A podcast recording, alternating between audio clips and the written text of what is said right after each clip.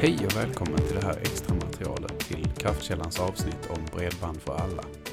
Här följer en kort diskussion om historiken kring bredbandsutbyggnaden i Sverige som vi klippte bort ifrån huvudavsnittet.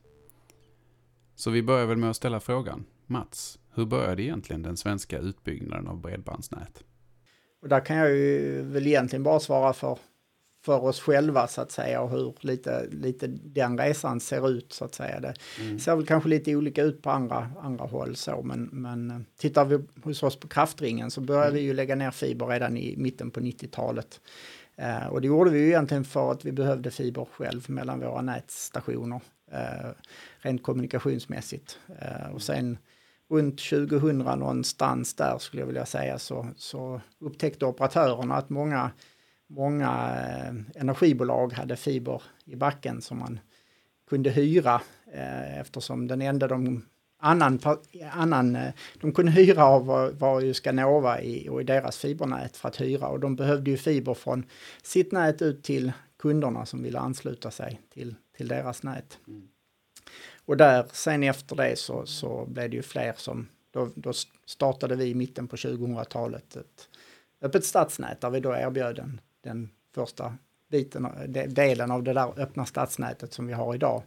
Um, och sen runt, ja, och då, då var det ju ändå flerfamiljsfastigheter och liknande. Då mm. var det väl ingen som drömde om att vi skulle behöva fiber till en enskild villa. Uh, men sen kom ju bredbandsmålen och jag tror, du får rätta mig om jag har fel Per, men det var väl uh, 2009 tror jag någonstans de här 20, 20 målet satts först.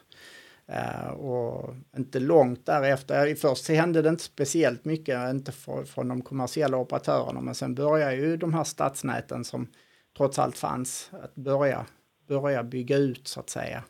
Och kämpade med, med anslutningsgrad och liknande i områden och sen när det började ta fart så, så kändes det väl lite som att de kommersiella hoppade på tåget när de insåg att annars kommer stadsnäten bygga, bygga alltihopa. Och, Tittar vi på totalen idag, om vi nu ser eh, att i Sverige finns det mellan 150 och 200 stadsnät, så, så eh, har, har de tillsammans byggt ut ungefär 60 procent av all fiberinfrastruktur som finns i Sverige. Telia har väl 30 procent. Eh, IP-only ligger någonstans mellan 5 och 10 procent kanske möjligtvis. Jag vet inte riktigt exakt idag. Så att eh, det, är, det, är ju, det är en enorm grej som stadsnäten egentligen har gjort någonstans. Mm.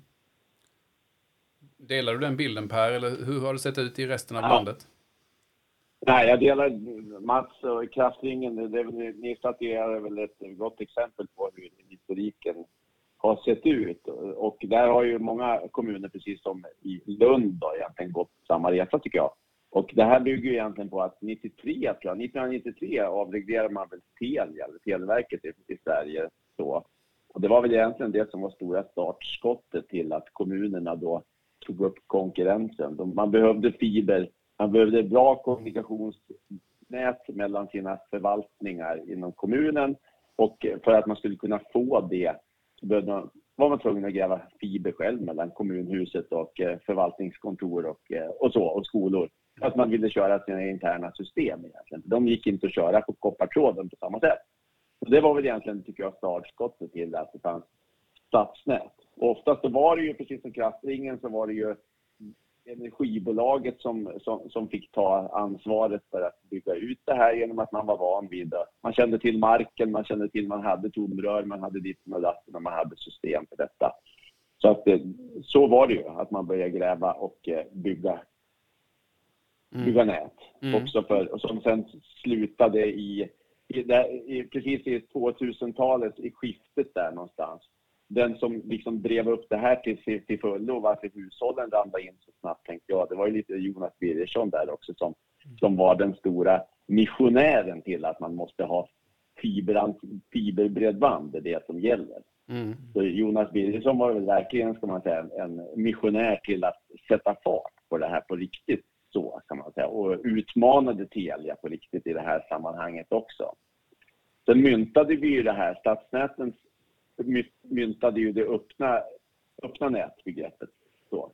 Genom att man då skulle vara tjänsteneutral och ha en öppen eh, infrastrukturplattform. Och det blev ju de facto standard ganska snart. Så även de operatörsägda näten, ska man säga, blev ju också öppna nät. Det var ju det som krävdes för, för, mm. från allt och alla egentligen. Så det, det, fick vi ju riktigt fart på det, tycker jag. 2010, 9, någonstans där, 9-10 så kom ju den där första regeringens målet då med den här digitala agendan. 2009 var det tror jag. Så. Och eh, där man satte ett mål för 2020.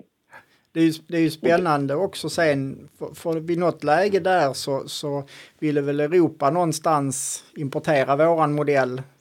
För jag har för mig, om man tittar tillbaks, att äh, ni på SSNF har varit iväg just hur, hur det fungerade i Sverige med de här municipality networks. Ja, jag har pratat eh, globalt. Mm. Eller internationellt. Och det, och det, det, svåra, det svåra där om man jämför med resten av Europa och framför allt, det är ju det att man förstår fortfarande inte den svenska modellen i Tyskland, eh, Frankrike och så vidare. För att Mm. the municipality, alltså man, den här självstyret som finns i Sverige, den existerar ju inte ute i Europa någonstans. Så att, att eh, kommunala energibolag har rätt att, ska man säga, utmana det statliga monopolet. Liksom. Det, det, här det är svårt att förstå någon annanstans, det som vi har åstadkommit i Sverige en gång i tiden. Eh, det gör man inte i Tyskland med Deutsche Telekom och så vidare på samma sätt överhuvudtaget. Man har inte samma möjligheter till det i, i deras kommunallag om man säger så. Just det. Men de är ju på gång och visst är det så att ganska snart här nu när, när vi börjar avstanna. Vi har ju som sagt var ganska glest befolkat i Sverige så rätt som det är säkerligen så, så kommer det få smälla till ordentligt i att man ska byta ut eh, all DSL, all, all koppar mot fiber, fiberaccesser och då kommer det finnas en enorm marknad i, i hela, inte minst Europa naturligtvis. Men de ligger en bra bit efter.